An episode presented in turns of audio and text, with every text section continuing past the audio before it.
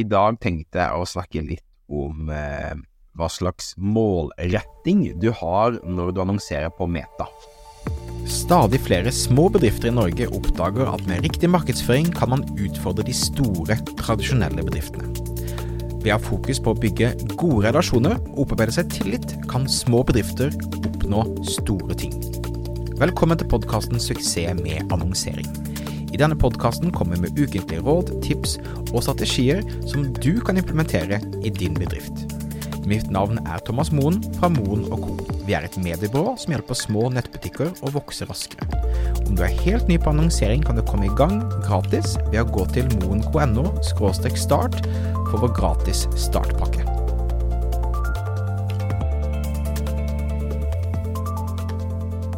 Hallo, ny uke, nye muligheter. I dag tenkte jeg å snakke litt om eh, hva slags målretting du har når du annonserer på Meta.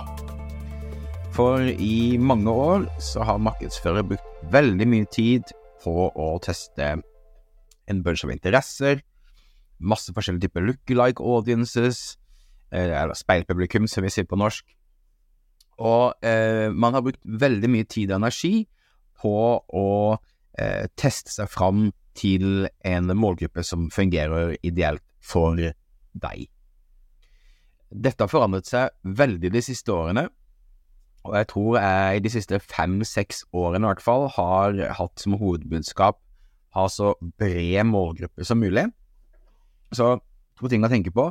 Det ene er at når Facebook eh, sier at du skal ha en liten målgruppe, så mener de 25 millioner mennesker eller mer. Så det aller meste du leser i eh, typisk av amerikanske guruer osv., er ikke eh, relevant i forhold til dagens situasjon i Norge. Eh, så det å bruke mye tid på targeting, også i, kall det gamle dager, eh, i Norge, har alltid vært litt sånn eh, off i forhold til det ideelle. Men de siste to årene så har det blitt enda viktigere å ha så bred målgruppe som mulig. Vi i Monaco vi bruker nå mindre og mindre tid på interesser, speilpublikum osv. osv., og mer tid på å hjelpe Meta å tolke signalet på riktig måte. Så budskap i annonser, testing av annonser, riktige målsetninger i forhold til um, kampanjenivå, det er de tingene som er mer viktige framover.